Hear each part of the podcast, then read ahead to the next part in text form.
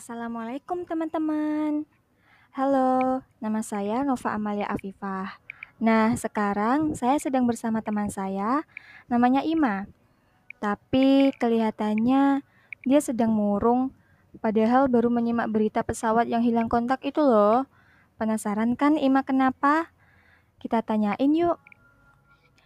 Hai Ima, aduh kenapa nih? Kelihatan murung banget mukanya. Hai Nova, iya nih, aku lagi enak badan, gak mood, terus pikiranku lagi kacau banget. Aku juga bingung kenapa ya, aku jadi gak konsen menyimak beritanya. Nah, pas banget. Saya mau ngasih tahu nih ke teman-teman tentang faktor-faktor dalam menyimak. Oh ya, pas banget tuh.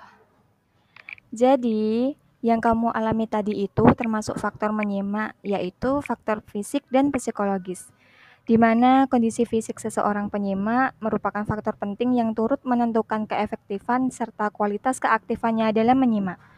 Sedangkan faktor psikologis itu misalnya keegoisan atau mementingkan diri sendiri, yaitu sikap penyimak yang hanya mementingkan diri sendiri sehingga pembicara dan apa yang disampaikan oleh pembicara tidak ditanggapi dengan serius. Oh, jadi gitu ya. Selain faktor fisik dan psikologis, ada yang lain gak?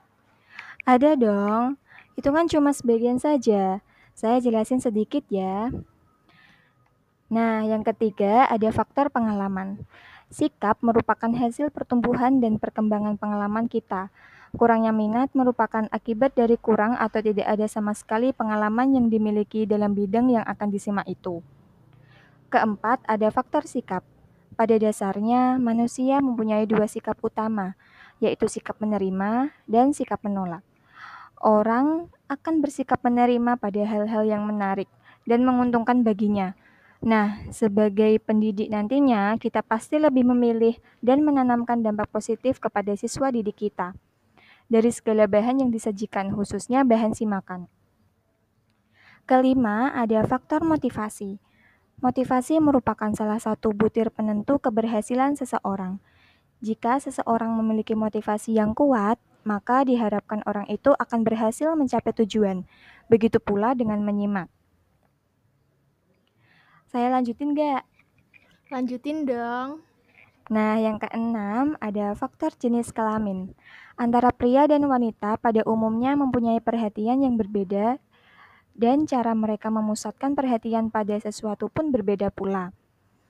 Dan yang terakhir, ada faktor lingkungan.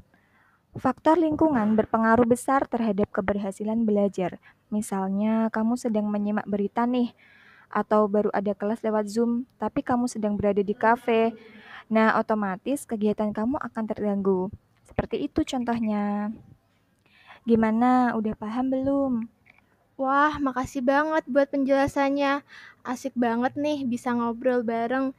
Jadi, wawasan aku bisa tambah nih. Haha, sama-sama.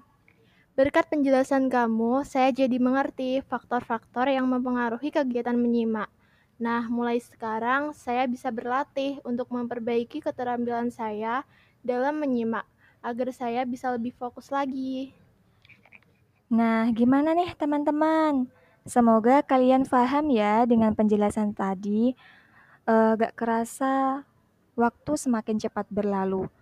Kami berdua pamit undur diri dulu ya. Oh iya, buat teman-teman, jaga kesehatan. Di rumah aja, selalu memakai masker dan cuci tangan yang bersih. Bye-bye guys.